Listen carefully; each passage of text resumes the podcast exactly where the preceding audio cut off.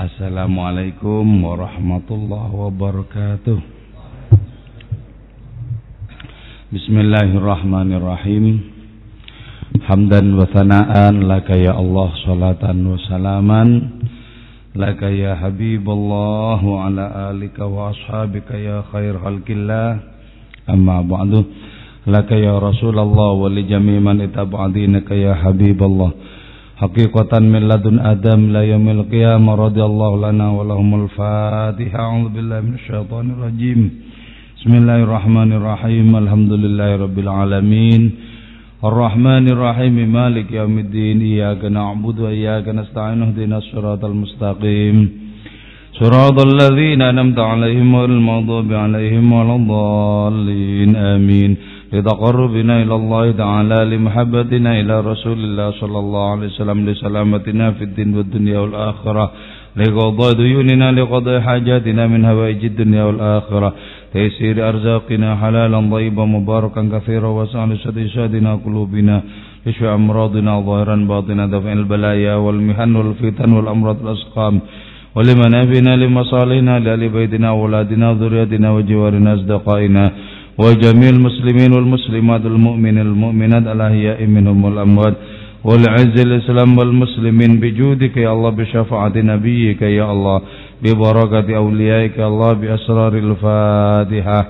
أعوذ بالله من الشيطان الرجيم. بسم الله الرحمن الرحيم. الحمد لله رب العالمين. الرحمن الرحيم. مالك يوم الدين. إياك نعبد وإياك نستعين. اهدنا الصراط المستقيم. صراط الذين أنعمت عليهم والمغضوب عليهم ولا الضالين. آمين. بسم الله الرحمن الرحيم. قال المصنف رحمه الله تعالى ونفعنا بعلومه ومدنا بأسراره وفاض علينا من بركاته وبكم. آمين.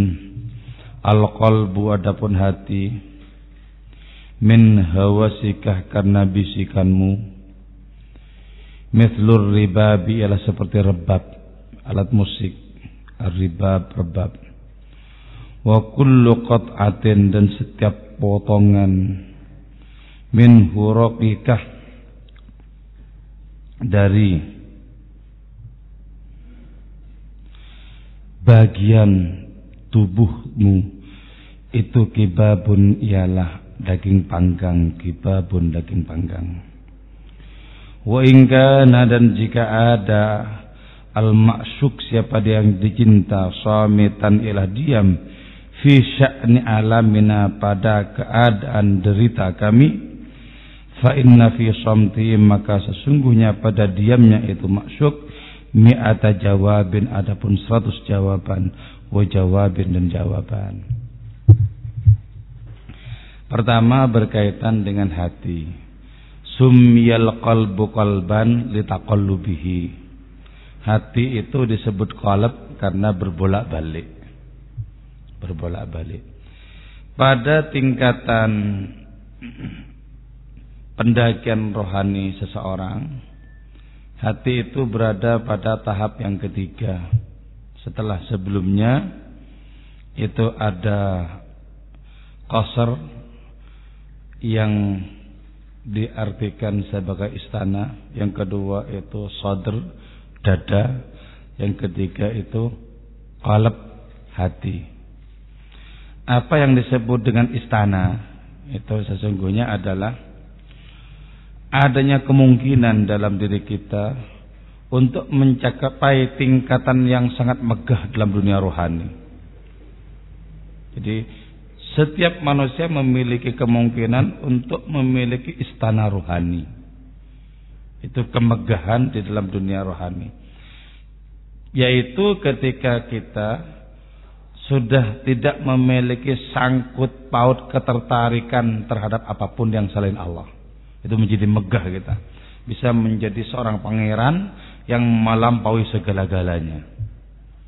Itu kemungkinan itulah yang disebut dengan sodr. Tapi belum terrealisasi. Terus yang disebut dengan koser. Terus yang disebut dengan sodr dada. Ini diambil dari salah satu hadis kudsi. Banaitu fi jawfifni Adam qasran. Aku bangun dalam diri manusia itu istana. Wa fil qasri sadron dalam istana itu ada dada. Wa sadri qalban dalam dada itu ada qalb hati. Wa fil qalbi fuadan dalam hati itu ada hati yang sudah given yang sudah jadi, yang tidak mungkin bolak-balik, namanya fuad. Wa fil fuadi hubban di dalam fuad itu ada cinta. Wa fil hubbi syaghafan dalam hub itu ada syaghaf cinta yang terlalu. Wa fis syaghafi sirran dan dalam syaghaf itu ada sir rahasia keagungan Allah wa fi sirri ana dalam sir itulah aku bersemayam firman Allah. Nah qalb ini berada pada tingkatan ketiga di mana orang itu masih belum sampai kepada titik aman rohani. Karena masih bolak-balik kadang-kadang sergap kadang-kadang kabur. Jadi masih bolak-balik. Kadang-kadang husuk pikiran terus kadang-kadang ngelamur ke mana-mana dan lain semacamnya. Itu masih takolub bolak-balik. Tapi hati yang takolub itu ketika mendengar bisikan mau kekasih hatiku berubah menjadi rebab. Ya.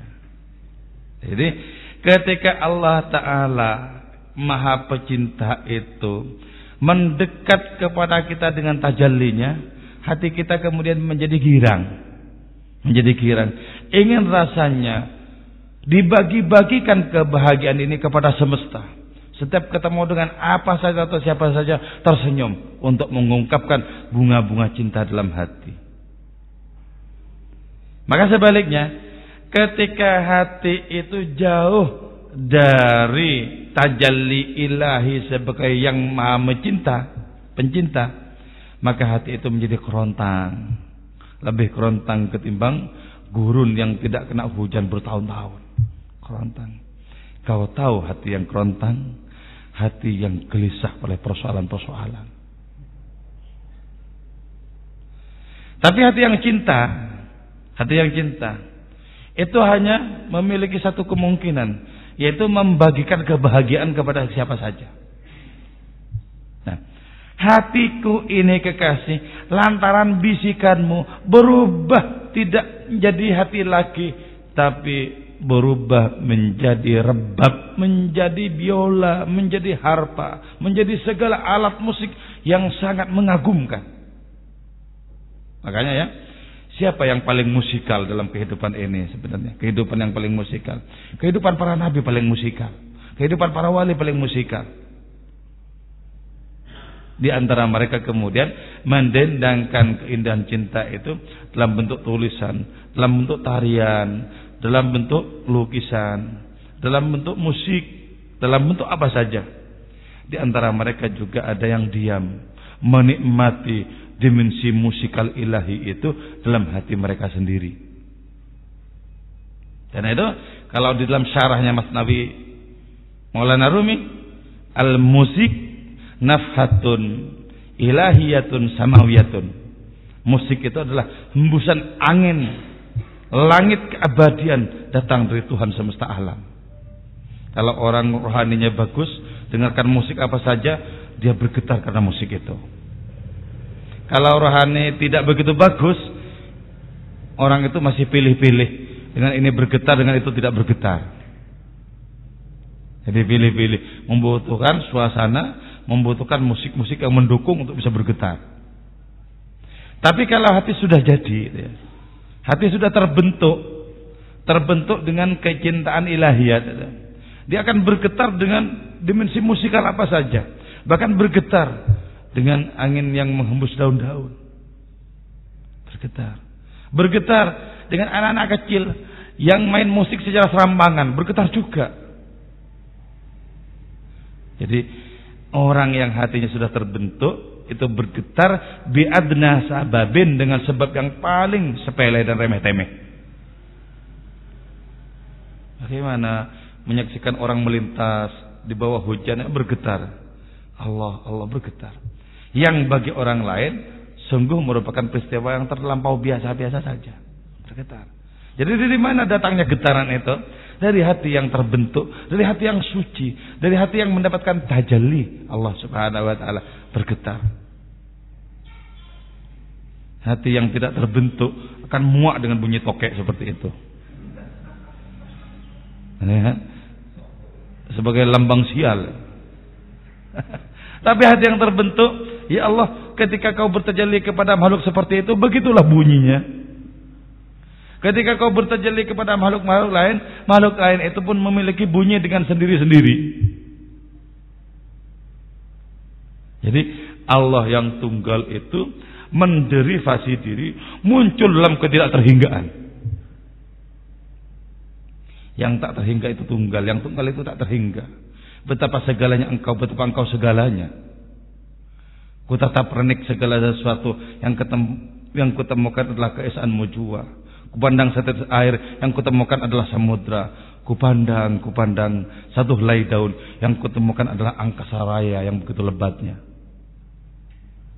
Jadi apa saja bisa menjadi pintu untuk sampai ke tak terhinggaan. Ketika hati sudah mulai terasa, maka belajarlah untuk menolak apa pun yang selain hadiratnya. Katakan, dulu aku sem-sem kepadamu, sekarang tidak.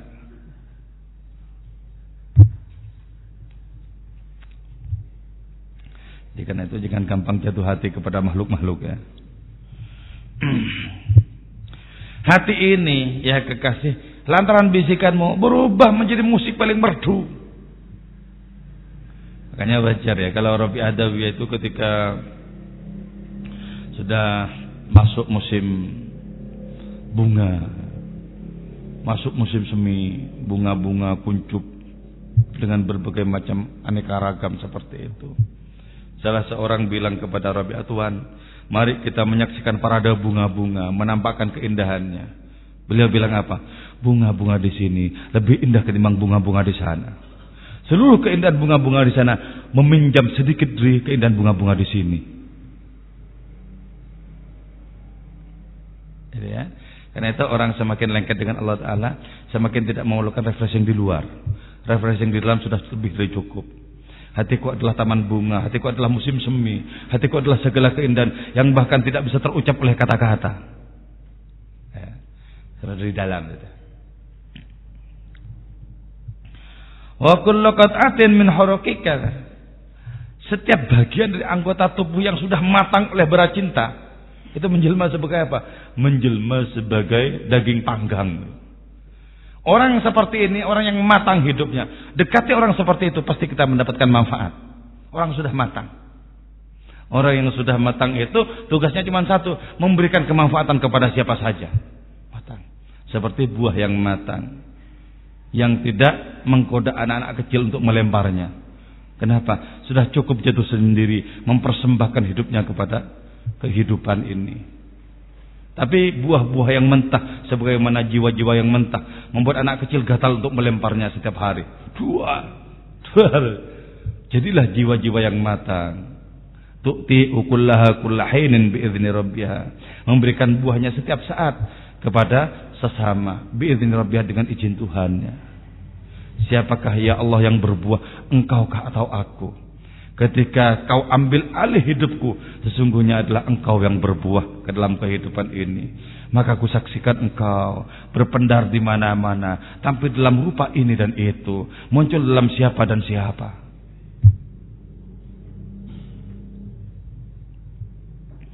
Maka ketika demikian wa ingka al masuk samitan fi alamina. Jika kekasih itu diam ketika kami dirundung oleh derita cinta. Ketahuilah dalam diamnya itu ada 100 jawaban. Jadi kekasih itu diam di hadapan seorang pecinta diamnya memberikan beraneka ragam jawaban terhadap berbagai macam persoalan.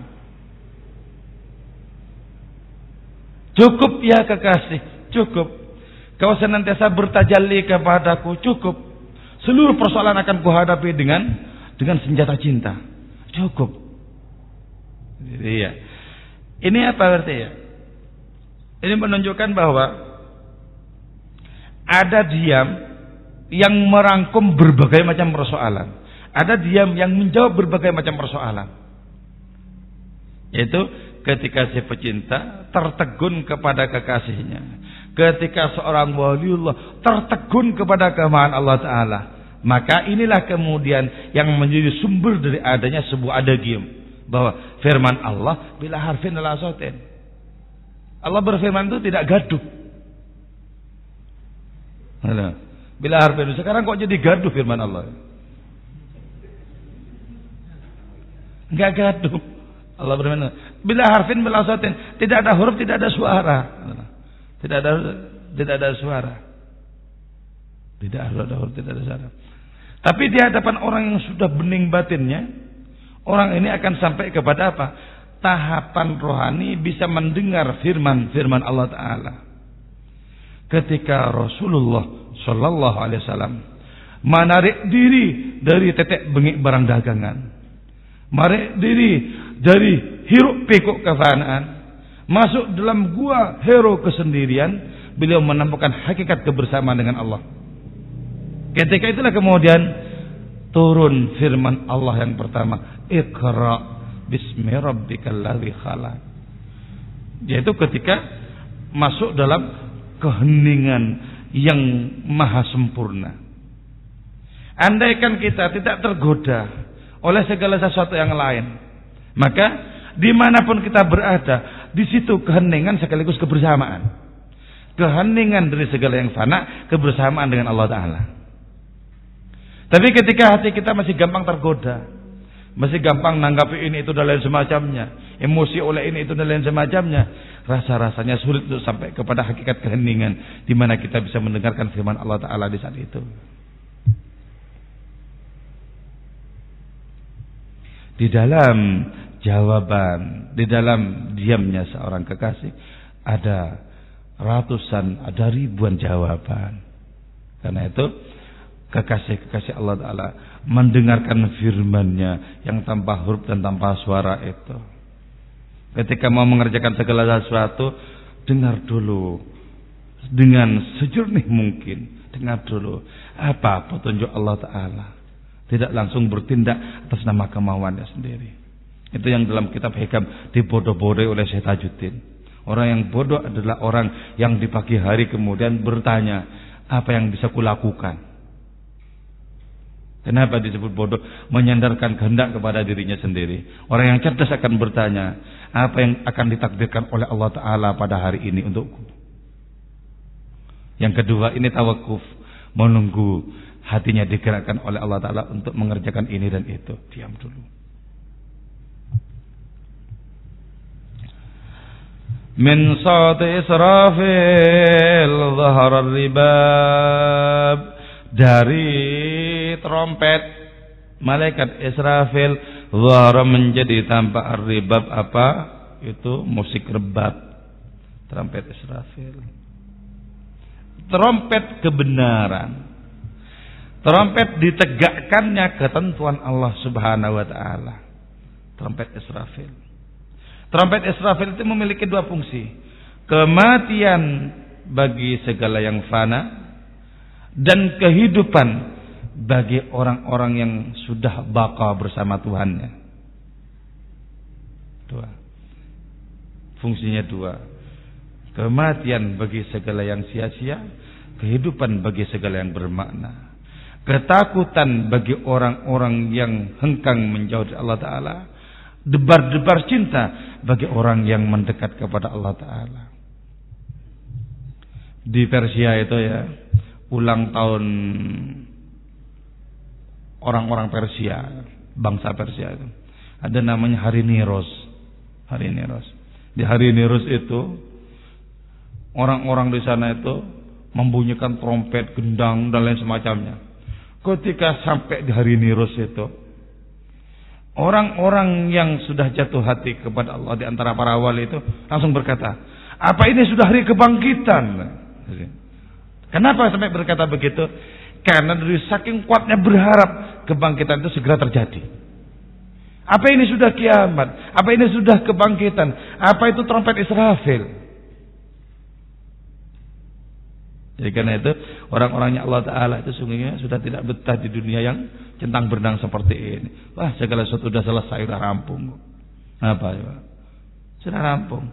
Kalau tidak karena ditugasi oleh Allah Ta'ala untuk bertahan, sudah sudah tidak tertarik sebenarnya. Apa coba? Yang bikin kita menarik, apa yang mendebarkan dalam hidup ini. Rampung sudah. Rampung. Ah, cuman gitu-gitu aja dari hari ke hari kan. Selesai. Yang belum selesai itu apa? Yang belum terjadi itu apa? Percintaan paling mendebarkan. Di mana kita sebagai seruling kembali kepada rumpunnya asal bambu itu.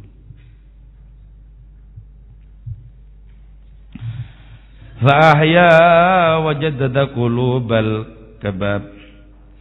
Dengan trompet Israfil itu kemudian hidup kembali hati yang sudah terpanggang oleh bara cinta.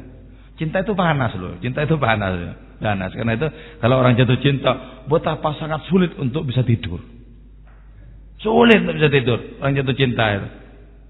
Panas soalnya. Cinta itu panas membara. Orang seperti Habib Abdurrahman Segaf ya. Itu 33 tahun nggak tidur.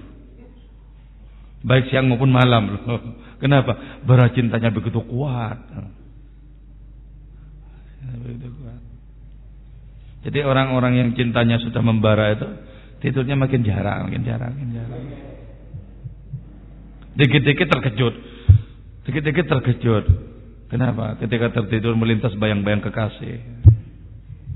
Naam sara taifu man ahwa fa'arraqani wal ya taridul ladzati bil alami naam ya.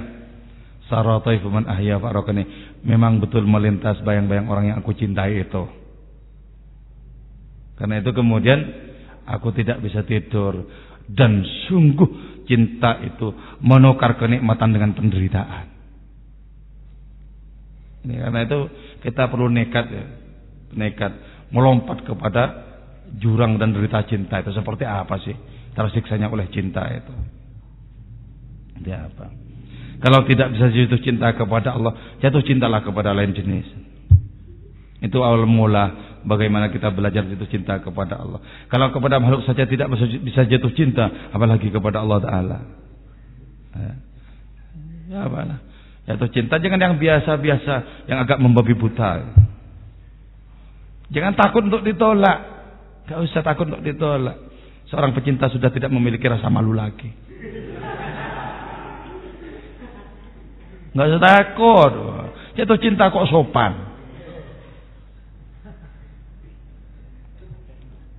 Wong cinta itu di luar segala rasio kok sudah. Di luar segala akal. Kalau masih bisa dirasionalkan, ya belum cinta. Kok dirasionalkan? Filsafat baru dirasionalkan. Cinta enggak bisa. Pernah membaca bukunya Eric Fromm berbagai macam cinta itu belum ada seberapa hanya ketimbang cinta dalam dunia tasawuf.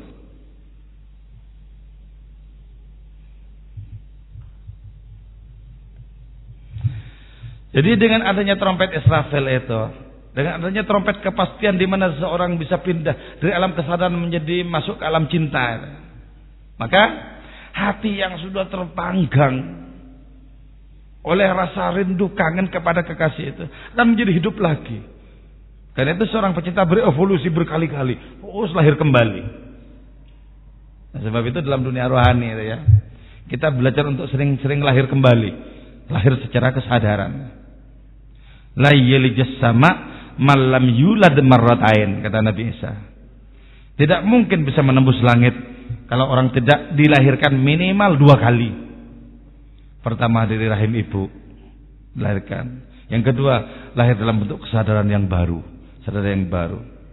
Dekat-dekatlah dengan orang yang diutus oleh Allah Taala untuk menjadi bidan bagi kelahiran rohani-rohani Maka kita akan mengalami lahir kembali, baru kembali, baru kembali. Kita bisa merasakan barunya kehidupan yang kita alami, baru lagi, baru lagi seorang sufi melakukan sholat berkali-kali. Dan pada setiap sholat itu dia sudah merasakan dirinya yang lain lagi dirinya yang lain lagi dirinya yang lain lagi. Itulah sebabnya mereka tidak pernah gentar dengan kematian. Sebab apa? Ketika mereka diminta untuk masuk ke kematian mereka berikan kepalanya satu persatu dan mereka hidup lagi dengan kesadaran yang baru lagi. Itu kenapa Syekh Husain bin Mansur Al-Harad kok tidak pernah gentar dengan kematian Aku punya perjanjian dengan kekasihku kata Syekh Husain. yang hanya terjadi di sana, di gantungan, tidak terjadi di tempat lain.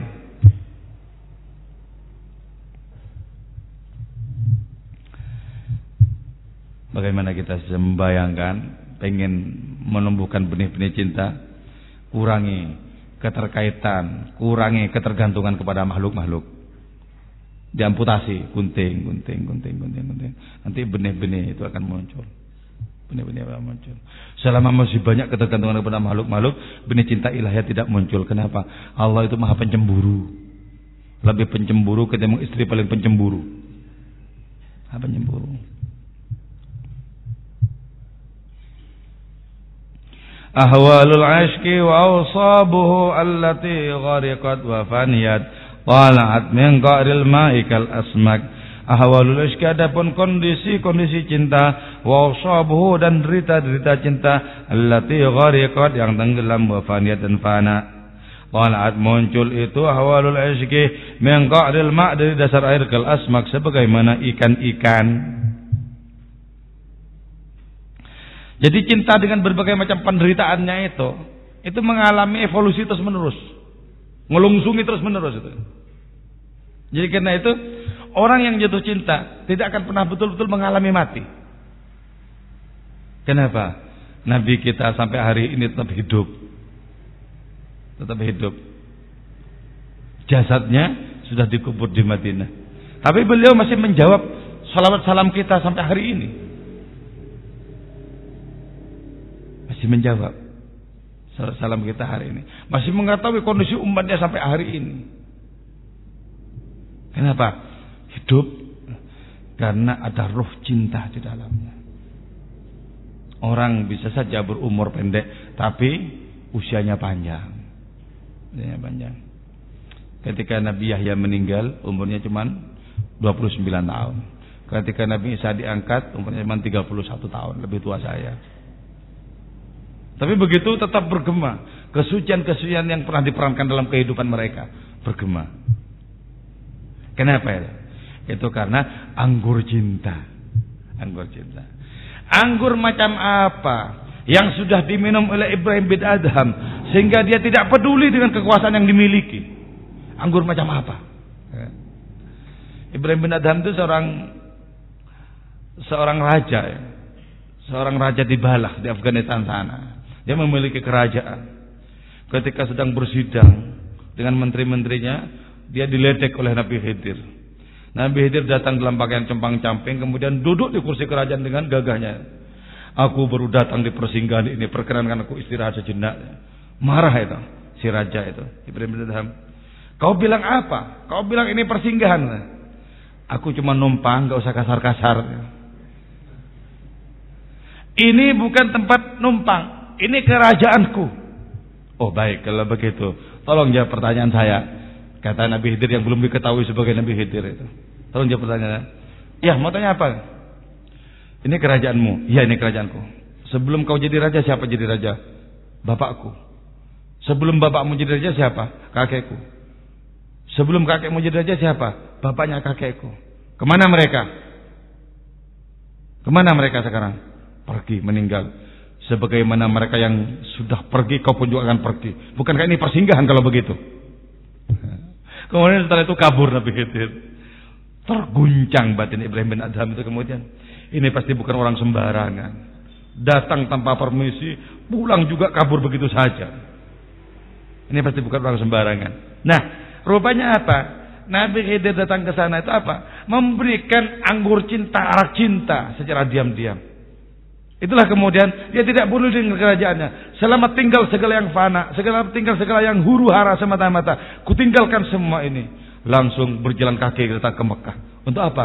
Untuk menuntaskan, untuk menuntaskan gelora-gelora cintanya kepada Allah Taala.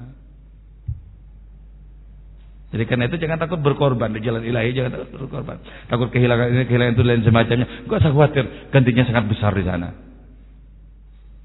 Kalau aku berhenti dari sini, kalau aku berhenti dari sini, kalau aku lebih juntrung kepada Allah Taala, kalau aku lebih meneladani Nabi, gimana nanti gimana? Gak usah khawatir, gak usah khawatir. Korbankan apa yang bisa dikorbankan. Sudah kujual apa yang bisa kujual kata Maulana Rumi. Jadi gak usah khawatir. Nanti ini gimana? Perhitungan terlalu banyak itu justru sedang mencegat langkah-langkah rohani perhitungan terlalu banyak tuh gini gini gimana kalau nanti melek malam terus terus sakit gimana kok bicara sakit? Wong belum tentu sakit kok. Kok bicara sakit? Jadi belum dikerjakan sudah terbayang-bayang kengerian-kengerian. Jangan. Pecinta tidak pernah menghiraukan semua itu. Bahkan andaikan seluruh dunia ini adalah duri tetap diterabas oleh para pecinta. Saya khawatir. Kenapa? Kita bertransaksi dengan Allah Subhanahu wa taala. Allah menyatakan walladzina amanu asyaddu hubban lillah. Orang beriman itu sungguh beriman, dahsyat cintanya kepada Allah taala. Enggak usah khawatir tentang segala sesuatu yang sudah kita korbankan di jalan cinta, enggak usah khawatir.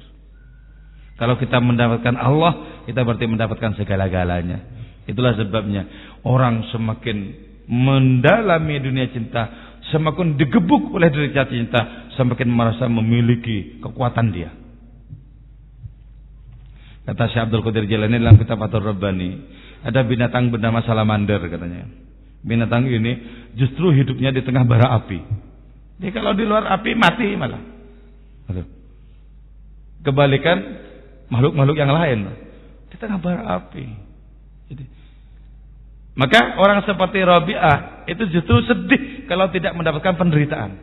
Ya Allah, apakah engkau sudah tidak jatuh cinta lagi kepadaku hingga kau tidak mengirim penderitaan-penderitaan lagi kepadaku? Ya. Jadi jangan takut ya, hidup itu enggak perlu takut. Ya. Hidup itu hari ini dimiliki oleh para pemberani di jalan keilahian. Nah, kondisi cinta, derita cinta yang sudah tenggelam, yang sudah fana itu ternyata muncul kembali dari dasar air sebagaimana ikan-ikan. Apakah air itu?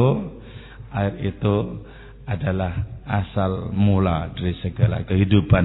Waj'alna minal ma'i kulla syai'in hayy. Ya Rabbi ya Rabbi ya Rabbi biaki tasbih ribab duh Tuhanku duh Tuhanku demi kebenaran tasbihnya kecapi tasbihnya rebab jadi alat musik itu ketika dibunyikan itu semuanya tasbih loh sebenarnya ketika dibunyikan tasbih demi kebenaran musikmu yang mendenting sungguh di dalam tasbih musik itu ada 100 pertanyaan 100 jawaban. Artinya apa? Orang yang masuk dalam wilayah keilahian hidupnya dinamis. Proses terus. Enggak pernah mandek, enggak pernah jumut, enggak pernah lumutan. Proses. Baru terus soalnya. Tantangan sebabnya. Allah Ta'ala itu bertajalli dalam dua waktu dengan yang sama. Enggak bisa. Allah Ta'ala maka ya. Sekarang bertajalli nanti lagi, lain lagi, lain lagi, terus lain lagi. Itu yang membuat Rasulullah sallallahu alaihi wasallam merasa terbingung-bingung tapi penuh dengan kenikmatan sampai beliau kemudian berdoa Rabbi zidni tahayyuran ya Allah anugerahkan kepadaku rasa bingung yang mengagumkan itu jadi Allah Ta'ala membingungkan tapi membingungkan dengan sangat memberikan kenikmatan di dalamnya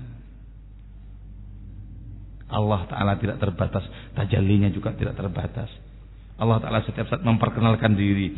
Hanya hati-hati yang bersih saja yang bisa mengenal, yang bisa memahami Allah memperkenalkan diri. Ya Rabbi, Ya Rabbi, Ya Rabbi, biqalbil kibabi dengan hati daging yang terpanggang itu wal ainil mamlu'ati bil ma dan mata yang penuh dengan air mata nanu aktsaru jaisanan kami sesungguhnya lebih gempar min syarabidinan dari minuman dalam tong. Oh Tuhan, oh Tuhan, oh Tuhan, oh Tuhan. Dengan adanya hati di dalam daging yang sudah terpanggang oleh bara cinta ini. Dengan adanya mata yang penuh dengan derita air mata. Sungguh ya Allah. Kami lebih menggemparkan ketimbang arak dalam tong itu. Jadi makanya ya, para sahabat itu banyak yang mabuk Nabi loh. Mabuk Nabi. Ketika turun firman Allah Ta'ala, Idza jaa nasrullahi wal fath wa ra'aitan nas yadkhuluna fi dinillahi afwaja. Kau lihat Muhammad, orang-orang datang berbondong-bondong masuk dalam agama Allah. Kenapa? Karena terpukau oleh Nabi itu loh. Kenapa beliau itu adalah orang yang paling lengkap menerjemahkan kehadiran Allah Subhanahu wa taala. Terpukau oleh rahmatnya Allah yang berada pada diri Nabi. Datang berbondong-bondong, datang berbondong-bondong. Yang paling saya herankan ya, herankan sebagaimana ditulis dalam kitab-kitab sirah Nabi itu ya. Ada orang datang dari pedalaman dengan rambut kelimis dibelah dua kayak zaman dulu tuh ya. Jadi sisirnya separuh ke kanan, separuh ke kiri. Zaman dulu. Nah, di zaman Nabi sudah ada model rambut begitu. Nah orang yang rambutnya dibelah dua ini datang ke masjid di Madinah dengan tidak turun lagi dari dari untanya. Terus orang ini bilang apa? Mana? Yang anaknya Abdul Muthalib. Sana walaupun cucu di Arab itu dibilang anaknya. Nabi langsung tunjuk ngacungkan tangan. Saya katanya apa betul kamu Muhammad betul apa betul kamu utusan Allah betul coba dong tolong ajarkan kepada saya pokok-pokoknya apa jadi tetap tidak turun dia di unta itu terus tidak turun di unta sahabat-sahabat itu sudah Oh, ya. Ini orang tidak tahu sopan santun. Diam, sabda Nabi diam. Jadi sahabat-sahabat mau merespon cara yang dianggap tidak sopan itu oleh Nabi dibilang diam, diam. Terus disampaikan oleh Nabi pokok-pokok ajaran Islam itu. Setelah disampaikan, baik akan sampaikan kepada umat saya kepada kaum saya kan. Pulang orang itu dengan tidak diketahui namanya siapa dari mana juga nggak tahu. Tapi setelah orang itu yang rambutnya dibelah dua itu pulang, Nabi kemudian bersabda, kalau orang itu betul-betul mengamalkan apa yang kusampaikan, dia dengan kaumnya selamat. Saya ngasih garansi. Jadi orang-orang berbondong-bondong terpukau ya. Terpukau di mabuk keindahan rohani Nabi.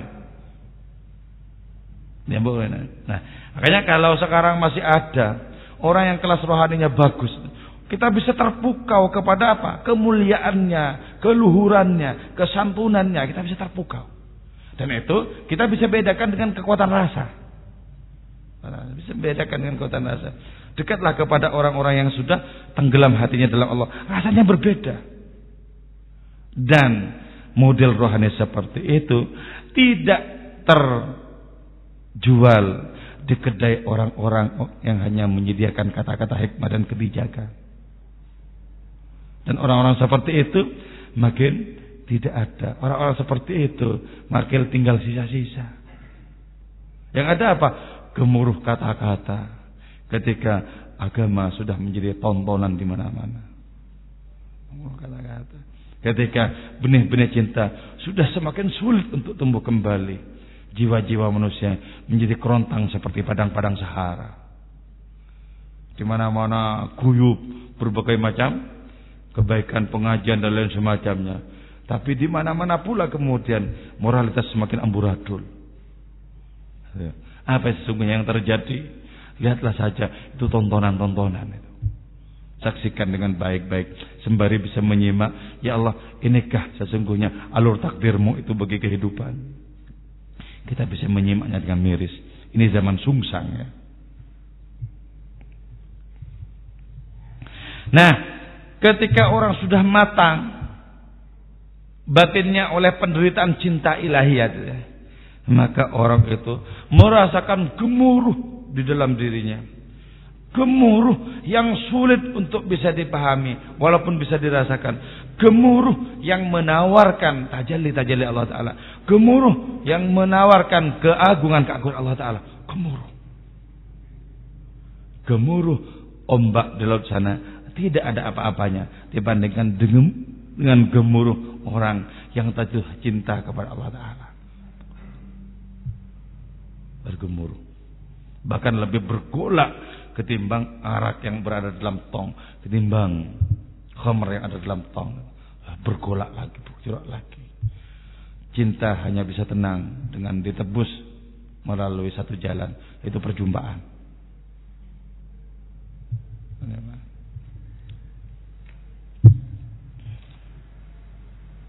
Ata'rifu ma yaqulu sautur ribab ata'rifu adakah kau mengenal ma terhadap suatu yaqulu yang menyatakan sautur ribab atau apa denting musik itu. Kau tahu, kau kenal apa yang dikatakan oleh denting musik itu? Yaqulu mengatakan denting musik itu apa? Al-hiqni al-hiqni temuilah aku. Artinya apa? Temukan keindahan di dalam hidupmu. Temukan keindahan yang abadi, keindahan yang tidak rusak oleh waktu. Temukan keindahan yang hakiki itu. Ketika kau temukan keindahan abadi dalam hidupmu, kau berarti akan memulai perjalanan menuju kepada Allah Ta'ala. Jadi kita tahu, kita serius sampai kepada Allah atau tidak, itu kalau kita sudah merasakan keindahan rohani dalam diri kita. Secuil keindahan rohani dalam diri kita adalah tanda bahwa kita mulai berjalan serius kepada Allah Ta'ala. Tapi ketika tindakan-tindakan keagamaan kita masih pamrih, pengen ini, pengen itu dan semacamnya. Karena itu kalau di Madura sering saya sampaikan, sering saya sampaikan bahwa penceramah itu tidak usah mengharap, membayangkan saja kasih amplop sudah batal ceramahnya. Sudah batal. sudah batal. Kenapa? Menukar sesuatu yang agung dengan sesuatu yang yang fana. Sudah batal. Apalagi ditarik-tarik. Ada. Dan transaksinya dengan Allah di mana kalau begitu coba? Batal. Kalau sudah batal di dalam dirinya seperti itu ya. Apa bisa melahirkan orang-orang yang kemudian makrifat kepada Allah Ta'ala? Ya bisa kalau Allah Maha Kuasa. Tapi di antara seribu satu belum tentu ada. Jadi kita paham kemudian sekarang. Kenapa santri-santri yang Khalil semuanya jadi. Jadi aulia ya. Rata-rata itu. Jadi semua. Kenapa? Karena tidak ada setitik debu pun pamrih makhluk itu sudah ada. Transaksinya dengan Allah Ta'ala semata-mata. Nggak ada yang gagal. Padahal waktu itu bangunannya ya cuman cuman pondok-pondok dari kayu-kayu itu. Musolanya cuma segitu. Enggak seperti sekarang yang mentereng-mentereng itu. Loh kok jadi? Ayo Kok jadi? Karena tidak ada pamrihnya sama sekali. Wa ma as'alukum alaihi min ajr in ajri illa ala rabbil alamin jalan dakwahnya adalah jalan dakwahnya para nabi yang tidak mengharapkan apa pun kepada makhluk kepada manusia kecuali kepada Allah taala kalaupun itu ada mengharapnya kepada Allah in ajra illa ala rabbil alamin batal apalagi pakai makelar-makelaran oh. jangan dikira nggak ada buahnya loh sekarang pakai makelaran-makelaran Nah itu bagus sekali. Jadi ternyata ketika diusut itu makelarnya ternyata. Iya. Saya berkali-kali ketemu dengan makelaran begitu. Nanti nyatut nama-nama besar. Oh. Ini kemarin sih bulan ini kemarin ceramah bersama dengan Habib Lutfi. Ternyata Habib Lutfi itu kagum. Jadi bawa jatuh besar. Maksudnya mau mau ini mau mau ngangkat yang yang dia bawa itu. Diangkat. Itu makelaran-makelaran. Ya.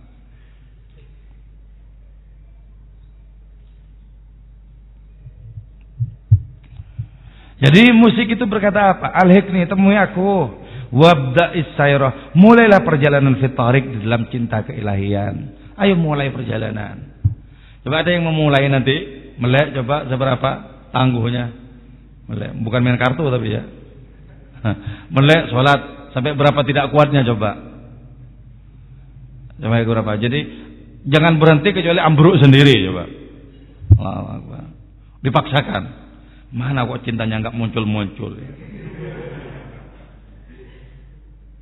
Dulu soalnya ya, para sufi itu banyak loh yang dalam sehari itu sholat sunnahnya itu sampai seribu rakaat. Jadi kalau berhenti berarti kan ambruk sendiri. Ketika masih ada kesadaran tetap sholat. Tetap sholat.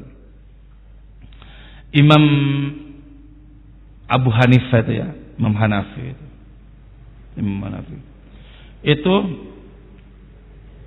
setiap malam ya, dari maghrib sampai isya itu itu menghatamkan Al-Quran dengan sholat sunat. Dengan sholat sunat. Terus setiap siang dari duhur sampai asar menghatamkan Al-Quran dengan sholat sunat juga.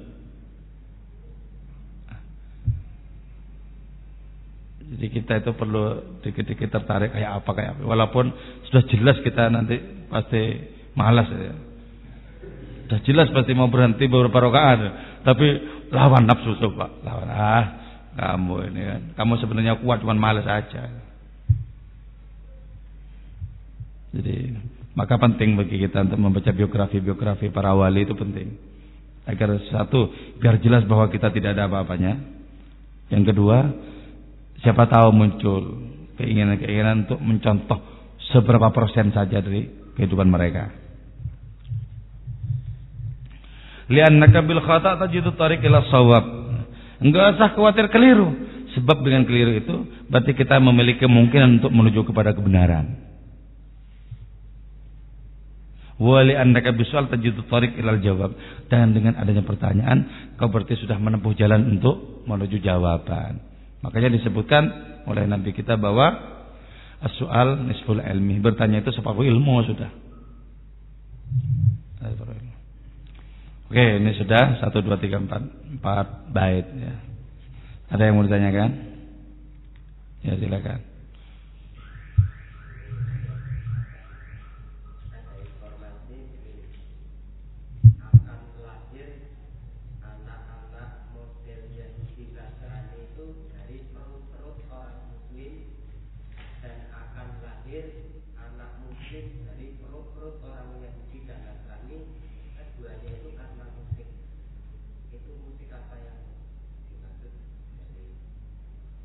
Itu kata-kata siapa?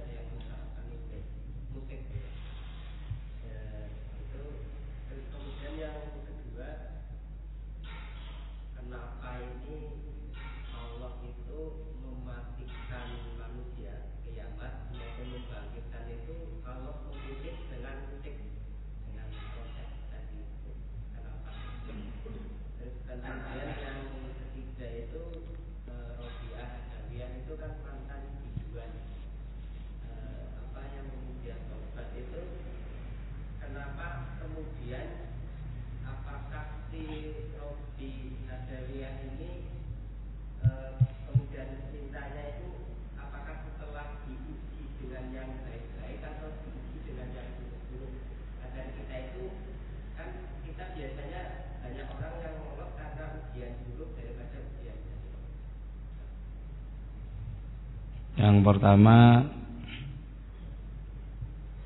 tentang kalau lahir dari kalangan umat Islam, orang-orang yang berwatak Yahudi Nasrani iya. Artinya itu merupakan bagian dari degradasi kualitas umat manusia. Bisa juga lahir dari kalangan orang-orang Nasrani, mereka yang mendapatkan petunjuk bisa juga. Tapi sebabnya mesti musik. Itu saya nggak pernah mendengar dan sulit untuk bisa menerima rasionalitasnya itu loh. Kok musik ini sebab? Kalau perkara musik diharamkan iya ya. Musik diharamkan oleh sebagian ulama iya. Dan mereka mengharamkan itu biasanya berkaitan dengan dunia sosial pada saat musik itu diharamkan. Dalam kitab Sulam misalnya kan haram musik itu. Dalam kitab Safina juga haram musik itu. Haram. Kenapa diharamkan? Karena pada saat kitab itu ditulis ya, musik itu menjadi sarana bagi adanya lalai, lupa kepada Allah, tenggelam di dalam di dalam kemaksiatan. Nah, karena itu dijadikan sebab, musik dijadikan sebab, maka kemudian diharamkan. Tapi sebenarnya musik secara murni tanpa ada hubungannya dengan menjadi sebab bagi sesuatu misalnya enggak masalah. Enggak masalah. Banyak juga para sufi yang menggunakan musik. Enggak masalah. Jadi kita bagaimana Diukur dengan diri kita. Kalau hanya akan melalaikan kita, jangan ikut musik, ikut reko saja. Ikut reko saja, ikut orang-orang dikiran, orang-orang manakiban, mujahadah, solawatan. Jangan jangan ke musik-musik. Jadi ketahui sendiri apa yang membahayakan. Kalau kira-kira tidak membahayakan bagi kerohanian kita, bahkan malah menambah getar rohani, masukilah musik apa saja. Jadi kita mengukur sesuai dengan kapasitas kita. Apa yang haram bagi orang lain bisa saja tidak haram bagi diri kita. Sama dengan rokok juga sama gitu ya. Kalau kira satu kali sedot masuk UGD haram itu rokok. Wah, Nggak, jangan. Tapi bagi orang yang pikirnya tidak lancar tanpa rokok, nah itu harus merokok. Jadi disesuaikan ya, disesuaikan. Di antara masing kelompok jangan saling mengganggu. Terus yang kedua lupa apa ya?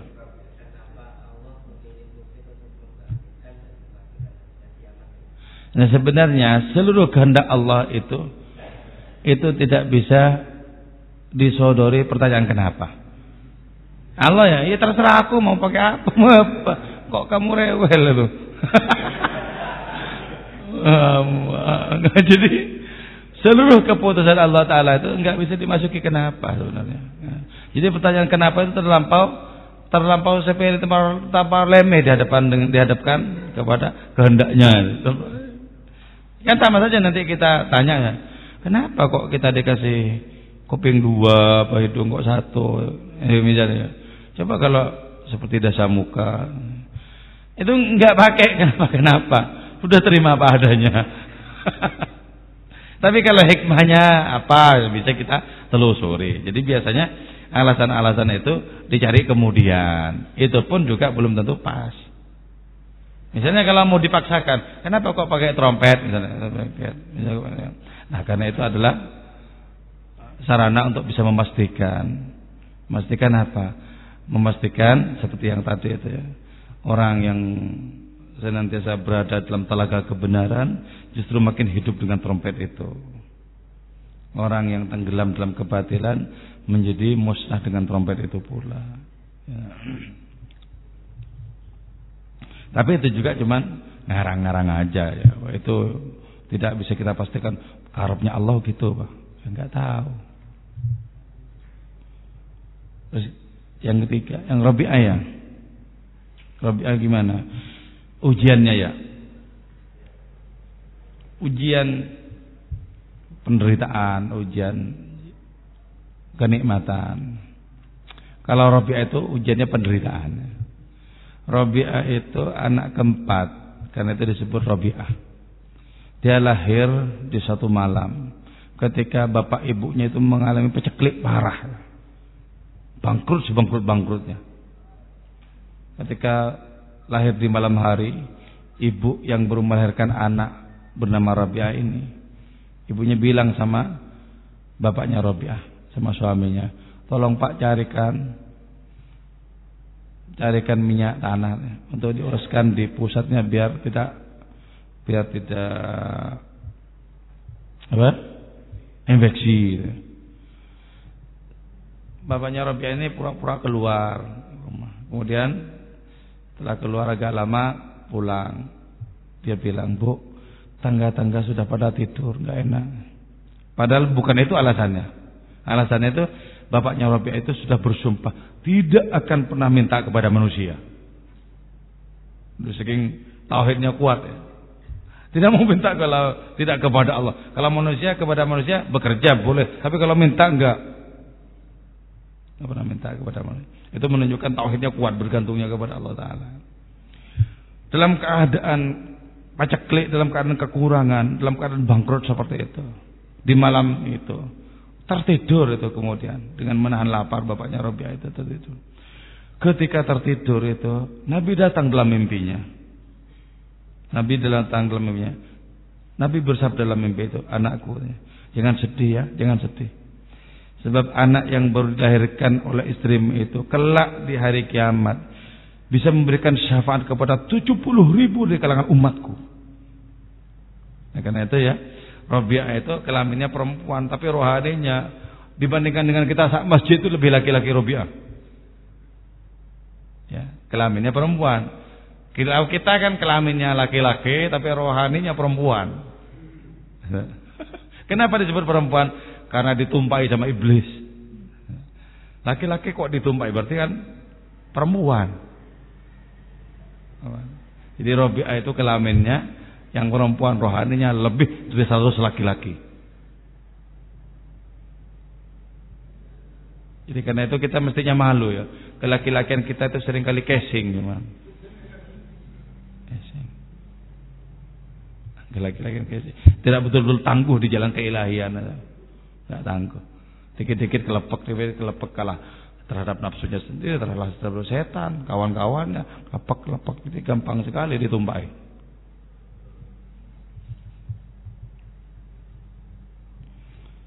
Rabi ada. Rabi Adawi itu selama 30 tahun setiap kali sholat dia merasakan inilah sholatku yang terakhir.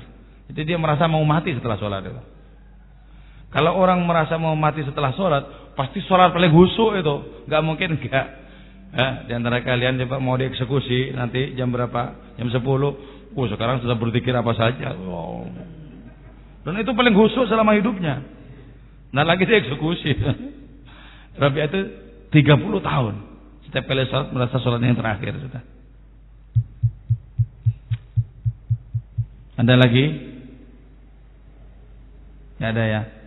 Alhamdulillah wal Assalamualaikum warahmatullahi wabarakatuh.